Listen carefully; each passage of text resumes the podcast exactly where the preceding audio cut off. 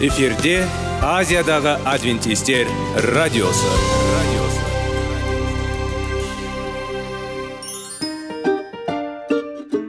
Сәлем достар. Денсаулық өмір бұлағы және біздің бірінші байлығымыз демекші денсаулық сағаты рубрикасына қош келдіңіздер. Біздің рубрикада біз әртүрлі факторларменен мәліметтерменен кеңестерменен бөлісіп шын жүректен сіздердің дендеріңіз сау болғанын қалаймыз. Сол үшін біздің рубрикаға қош келдіңіздер. Дайындалып тұрыңыздар. Өйткені келесі минуттарда қызықты фактілерге ие боласыздар. Енді достар ең бірінші байлығымызды қолымызға алып алға кеттік.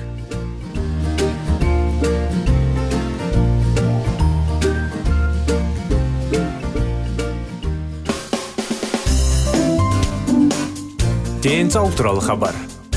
Денсаулықтың ашылуы күн сайын сөз үшін күшті кеңестер соңғы жаңалықтар қызықты факторлар. Біздің рубрикада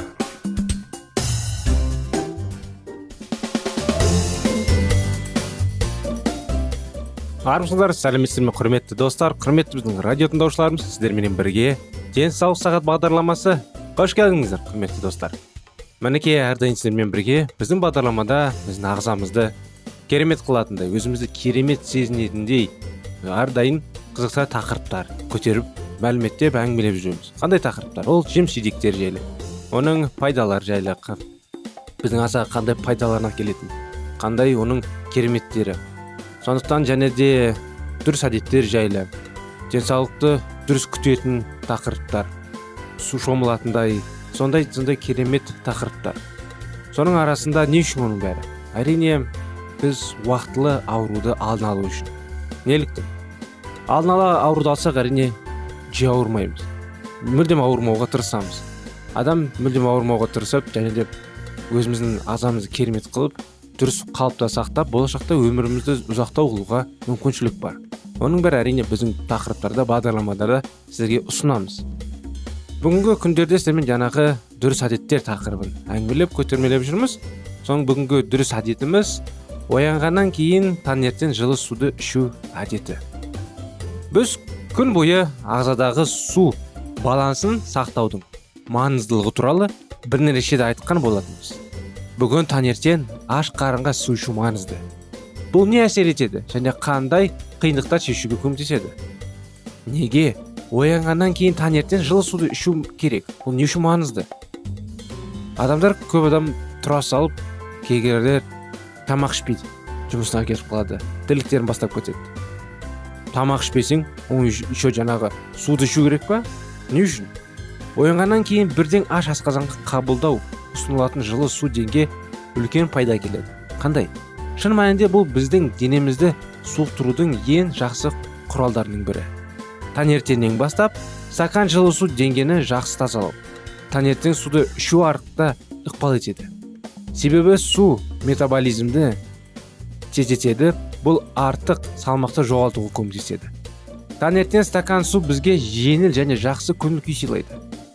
Сонымен қатар таңертең аш қарынға су ішу көптеген ауруларды емдеу үшін пайдалы.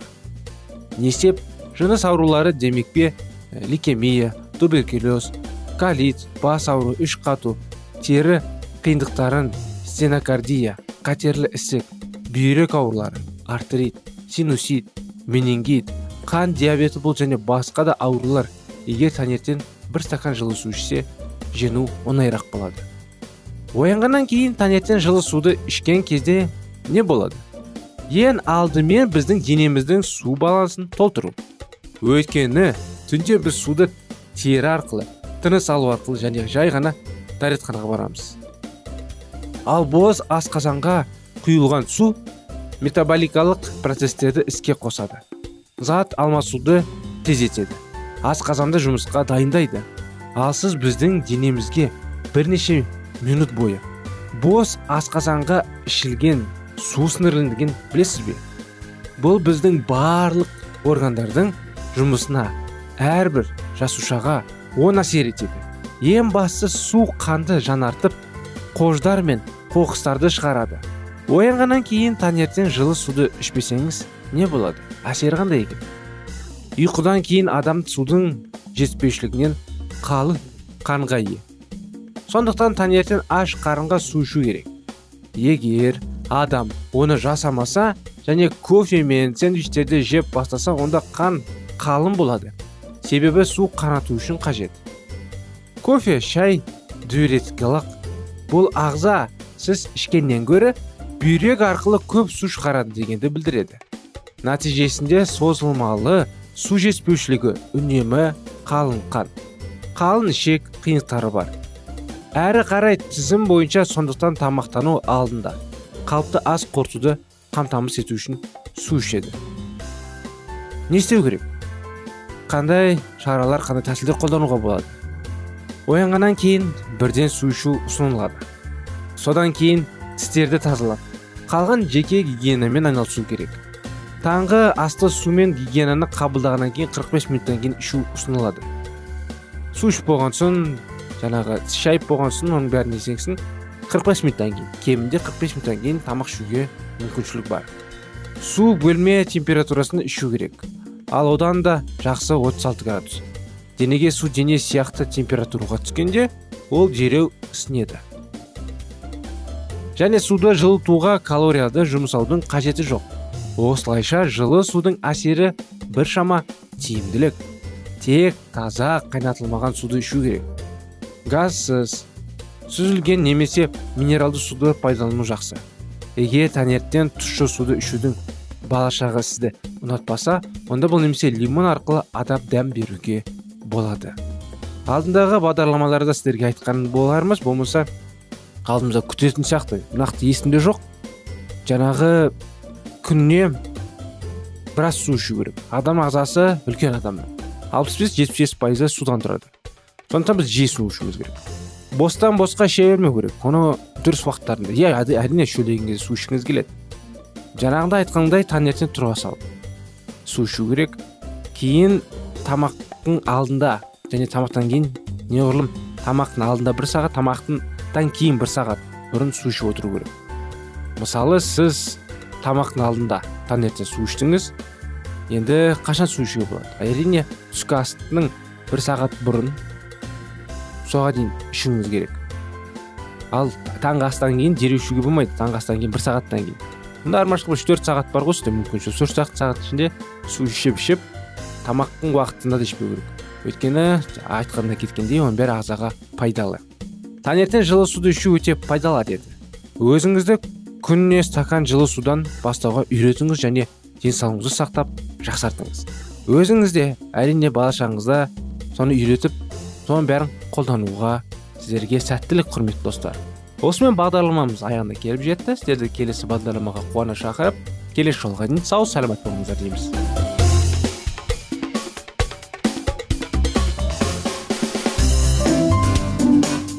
Денсаулық туралы хабар. Денсаулықтың ашылуы күн сайын сөз үшін күшті кеңестер соңғы жаңалықтар қызықты факторлар біздің рубрикада.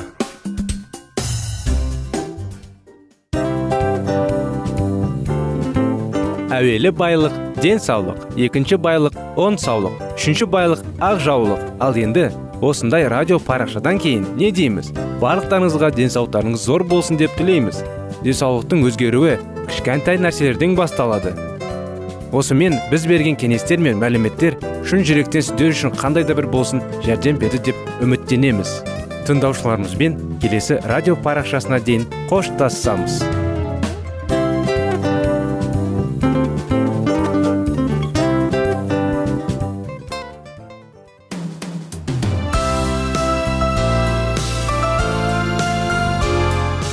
эфирде азиядағы адвентистер радиосы.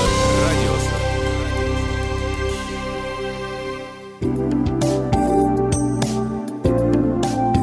сәлем достар.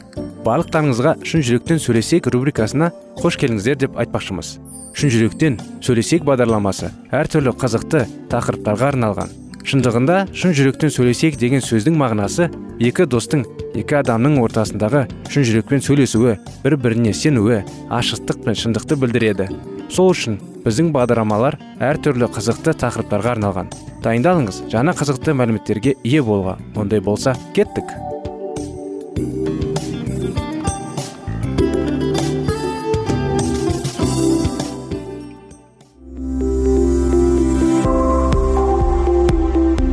Алтын сөздер.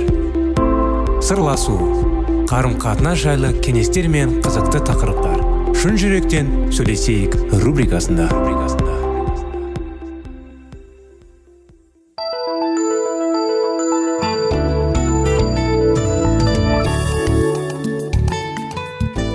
Армысыздар сәлеметсіздер ме? Құрметті достар сіздермен бірге шын жүректен сөйлесейік бағдарламасы. Қош келдіңіздер. Әрдайым сіздермен бірге қарым қатынас махаббат сүю достық балалар мен ата анасының қарым қатынасы жайлы. Жастардың қыз бен жігіттің қарым қатынасы жайлы. Әрине болашақта керемет жанұя құрып сол жанұя әрдайым күлдеп өмірі бақи кәртеге бірге кәртелеп керемет қарым қатынаста болатындай тақырыптарды әңгімелейміз. Сондықтан бүгінгі күнде сіздермен бірге шектеулер кітабын жалғастырудамыз. Сый ол ешкімнің ешкімге қарыздар емес екенін білдіреді. Шын мәніндегі бар керек нәрсе бұл алғыс айту.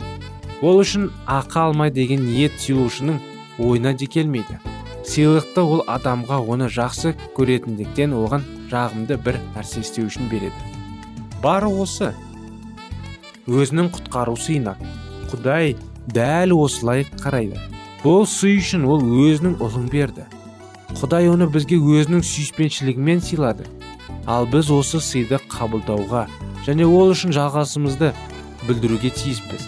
Алғыс айту не үшін соншалықты маңызды? Себебі оның сыйына риза болуымыздың біздің айналамыздағы адамдарды жақсы көруімізге мәжбүр ететінін құдай біледі. Негіздерінің мәсіхте болып терең тамыр жиып өсе беретіндер өздеріне үйреткен сенімді мықтап ұстанып құдайға шексіз алғыс айтатын болыңдар. Өзімізге жақсылық саған шын көңілдерімен қайырымдылық жасаған адамдарға біз не істеуіміз міндеттіміз? Біз оларға рахмет деп айтуға және разы көңілмен өзгелерге көмектесуге тиіспіз. Кімнің бір нәрсе алу үшін ал кімнің шын жүрегінен сыйлайтынын ажырата білуіміз қажет. Әдетте бұл айырмашылық оңай қылды егер де шын жүректен білдірілген алғыс сыйлық берушінің қатығына тиетін болса немесе оның ашуын келтіретін болса онда сыйлықтың қарыз ретінде беріліп тұрған анық. Ал егер алғыс айту жеткілікті болып шықса онда сыйлық сізге шын жүректен берілді. Құдай бізге алғыс пен шектеулердің екі басқа нәрселер екенін айтады. Аян кітабындағы жеті қауымға арналған жолдауда үш қауым туралы және жеке айтылады. Ефестік перғамдық және патерлік қауымдар. Ол оларды жетістіктері үшін мақтай алғыстары үшін. Біріншісі ол оларды жетістіктері үшін мақтайды алғыстары үшін. Екіншісі содан соң ол осының бәріне қарамастан оларға наразы екенін айтады. Үшіншісі және ақырында ол оларды жауапсыздықтары үшін айыптайды шектеулердің жоқтығы үшін. Ол осы екі нәрсенің алғыс айту мен шектеулердің болмауының араласып кетуін жол бермейді. Бұған біздің де жол беруіміз болмайды. Сегізінші адасушылық шекаралар түпкілікті нәрсе. Ал менің қатынастарымды үзгім келмейді. Ал егер мен айналып қалсам не болды? Айналып болмаса айнып қалсам деп сұрайды карла. Ең жақын құрбымен арамызға шектеулер орнатқым келмейді. Себебі оның жоғалтып алудан қорқамын. Жоқ деуіңіздің барлық уақытта да тек өз қолыңызда екенін білудің маңызды зор. Сіз өз шекараларыңызға толықтай иелік жасайсыз. Олар сізді емес сіз оларды басқарасыз. Мысалы егер сіз біреумен қатынасыңызға шектеулер орнатсаңыз және олар дұрыс қабылданса оларды қай уақытта болса да өзгертуге болады. Бұған қоса егер өзіңізді көбірек қауіпсіздікте сезінетін болсаңыз сізге сызықты жылжыту ойнайға түседі. Талқылау барысында шекараларды қайта қарап шығудың мысалдары. Киелі кітапта көптен кездеседі. Мысалы қала адамдары тәубелеріне келген кезде құдай ниневді қирату туралы шешімді өзгертті қиын сәтте өзін тастап кеткендіктен паул жохан марқаны уағыздық сапарға бірге ертіп барудың бас тартты. Бірақ соған қарамастан арада біраз жыл өткенде паул оны өзіне ертіп екеруді әкелуді де өтінді. Уақыты келгенде ол шектеулерін өзгертті. Ендігі байқағаныңыздай осы адасушылықтардың кейбірі шын мәнінде түсінбешілікті жеміс болып табылады. Ал адамдар өздерін дұрыс үйретпегендіктен оларды дұрыс түсінбейді. Сонымен қатар қорқыныштан туындайтын адасушылар да бар. Адамдар мойындарына еркіндерін тыс артталған және киелі кітаптың нұсқаларына қайшы келген міндеттерге ашық түрде жоқ деп айтудан қорқады. Осы адасушылықтың қайсысының шырмауында болуыңыз мүмкін екенін түсіну үшін мінәжат етіңіз. Келі жазбаның осы тарауда келтірілген тұстарын зерттеңіз және де құдайдан жақсы шекараларға сенімділік беруін сұраңыз. Мінекей осының анықтамаларымен екінші бөлімге де келіп қалдық. Шектеулердің себебінен болатын қақтығыстар. Жеті. Шектеулер және сіздің отбасыңыз. Сюзи жайлы әңгімені әңгімелейміз. Арғы жалғастырып құрметті достар. Оны сіздерге келесі жолы бастап жалғастырсақ.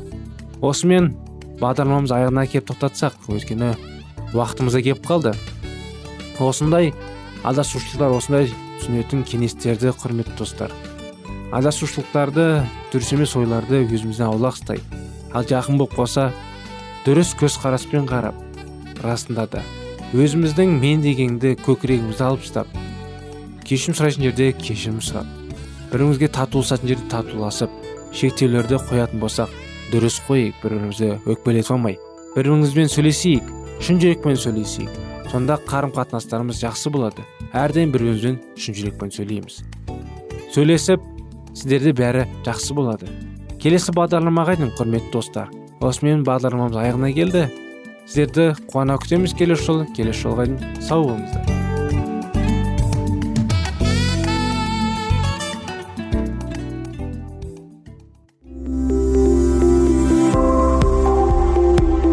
Алтын сөздер. Сырласу. Қарым қатынас жайлы кеңестер мен қызықты тақырыптар. Шын жүректен сөйлесейік рубрикасында.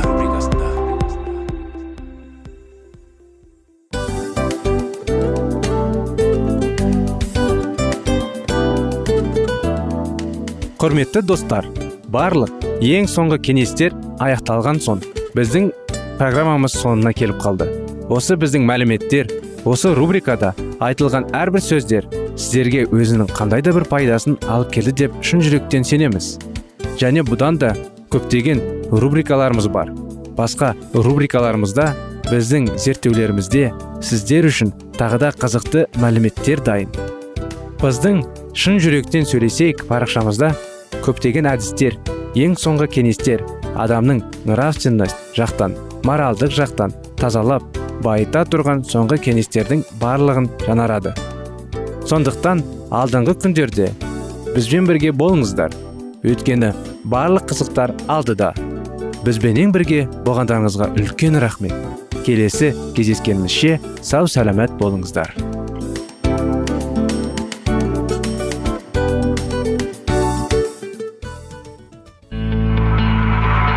Дүниеңді байытқан жүрегіңді жаңғыртқан өмірдің мағынасын ойландырған рухани жаңғыру рубрикасы.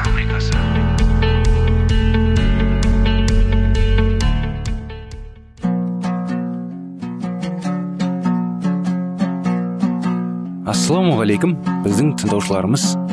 Келі кітаптың шындығын ашып берген қысқа бағдарламасына қош келдіңіздер. Барлығынан жоғары жаратушы біздің қарыңғылықта жалғыз қалдырып қойған емес. Өйткені ол келешекте не болу керек екенін кітаптың парақтарында ашып береді. Немесе келіңіздер бізге қосылыңыздар. Жаратушы бізге нен ашып бергенін зерттейміз. Ассалаумағалейкум сәлеметсіздер дейміз. Біздің құрметті тыңдаушыларымыз біздің достарымыз біздің рухани жаңғыру бағдарламасына қош келдіңіздер деп айтамыз. Және де арамызда бүгін бірінші рет біздің бағдарламамызға қосылып бізді тыңдап жатқан тыңдаушыларымыз болса сіздерге де сәлем жолдаймыз әрине. Біздің бағдарламамыздан шеттен кетпеңіздер. Біздің бағдарламамызда болып бізді тыңдап жүріңіздер. Бізбен танысқаныңызға рахмет. Рухани жаңғыру бағдарламасы әрине рухани өсу жайлы рухани кеңестер жайлы рухани білім жайлы өтеміз. Кітаптар оқимыз кеңестер алғанда жаңағындай диалогтар болады.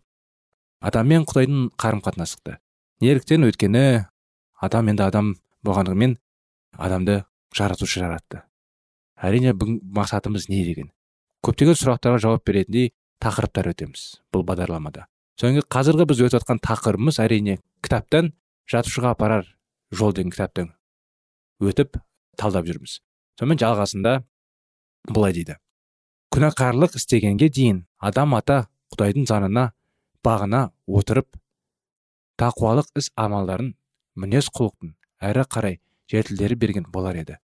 Бірақ ол бұл жолмен жүрген жоқ. Оның істеген күнәсінің кесірінен біз күнәқарлық іс амал табиғатын ұмағар болдық. Осыған орай біздің өзімізді өзіміз әділ тақуа етуге шамамыз келмейді. Оның үстіне біз өзіміздің бұзылғандық күнәқарлық іс адамдарымыздың зардабына келі заңды жеткілікті түрде орындай алмаймыз құдайдың заңындағы талаптарды қанағаттандыра алатындай. Әділеттілік пен тақуалық бізде жоқ. Ал иса мәсіх біздердің құтқарылуымыз үшін жол ашып берді. Мәсіхтің өзі де жерде өмір сүргенде біздің көріп жүрген қиындықтарымыз бен азаптарымыздың көріп азғырушылық пен адаушылық сияқты күнәқарлық істердің куәсі болды. Ал оның өз өмірі күнәдан пәк таза болды. Құтқарушымыз біздің күнәларымызды өтеп алу үшін өзінің жанын пайда етті.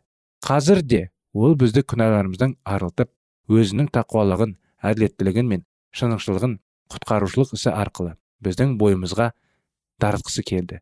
Егер сендер оған мойын ұсынып өздеріңді оған сеніп тапсырып оны өздеріңнің құтқарушыларың ретінде қабылдасаңдар онда өмірлеріңнен өткен кездеріңде күнәқарлық іс амалдарының болғанына қарамастан сендер исаның арқасында тақуа әрі әділ саналып иса мәсіхтің мінез құлқы өздерінің бойларына қабылдай алатын боласыңдар.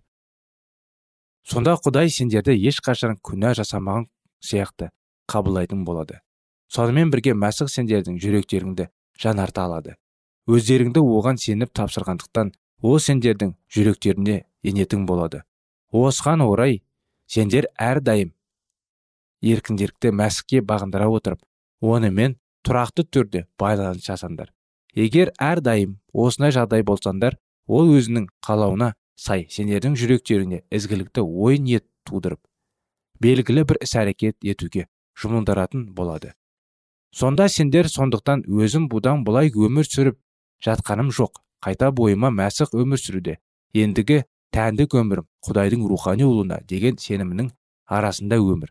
Ол мені сүйгендіктен өзі мен үшін құрбан етті.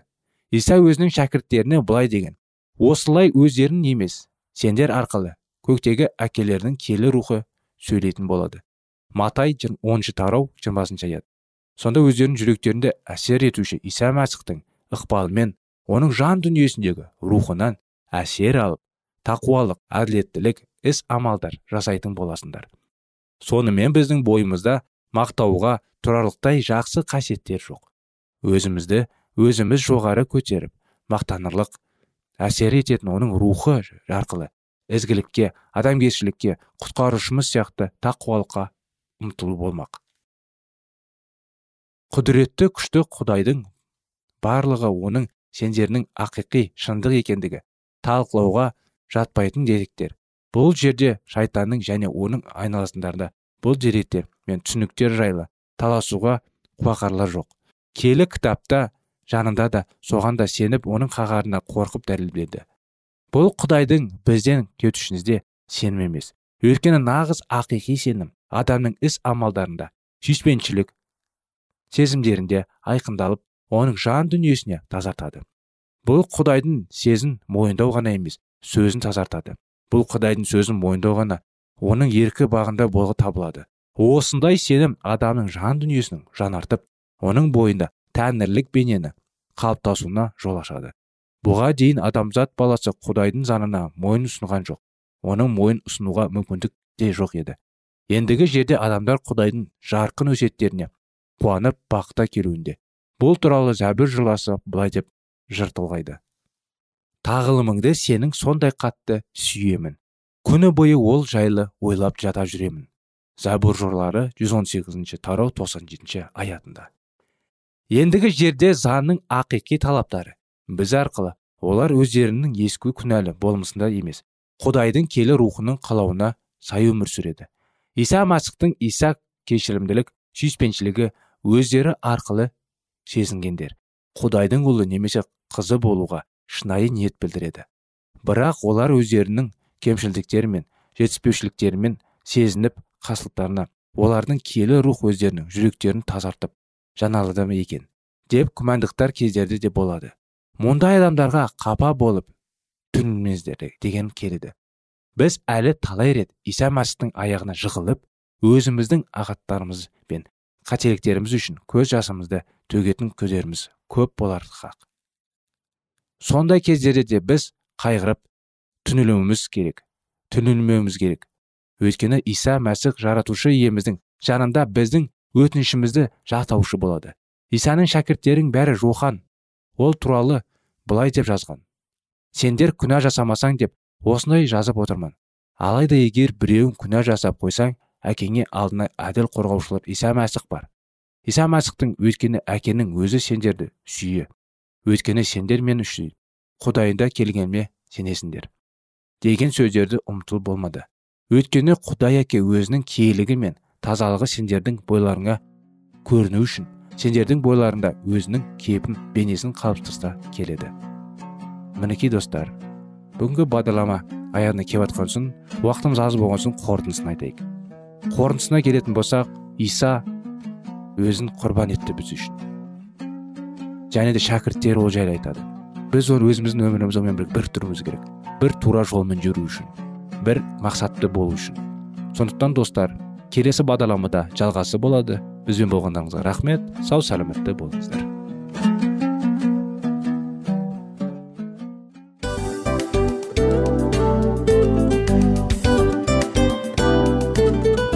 Осымен достар программамыздың зерттеуіміздің ең қайғылы минутына жеттік. Қайғылы дегенде бағдарламамыз тез арада өтті де кетті. Соған көңіліміз деп тұр. Жарайды қайғыны қояйық. Бүгінгі 24 сағаттың алтындай жарты сағатын бізге бөліп арнағаныңыз үшін рахмет. Егер де өткен сфераларда пайдалы кеңес алған болсаңыз біз өзіміздің мақсатымызға жеткеніміз. Тыңдаушыларымызбен қоштасу уақыты келді. Келесі кездесулерді сағынышпен күтеміз. Жарты сағатты кездесуіміз көз ашып шапқанша дем арасында өтіп кетті. Бірақ бізде жақсы хабар бар. Келесі зерттеулерімізде сөзсіз кездесеміз. Өйткені көптеген сюрприздер қызықты мәліметтерді және керекті нәрселерді көбін дайындадық. Бүгінгі күндеріңіз өзгеше позитивті болсын. Жақындарыңыз аман есен болсын деп тілейміз. Жаратқан ие барлықтарыңызға батасын берсін. Істеген істеріңіз игілікті болсын. Келесі кездескенше сау саламат болыңыздар. Достар біздің базарма бойынша сұрақтарыңыз болса әрине сіздерге керекті анықтама керек болса біздің whatsapp нөмірімізге хабарлассаңыздар болады. Плюс бір үш жүз бір жеті жүз алпыс алпыс жетпіс. Иә достар сіздер қателеспедіңіздер бұл біздің номерлерге ұқсас болмаса да бұл whatsapp номер арнайы. Хабарласыңыздар сұрақтарыңызды қойып тұрыңыздар. Анықтаманы алып тұрыңыздар. Плюс бір үш жүз бір жеті жүз алпыс алпыс жетпіс whatsapp номері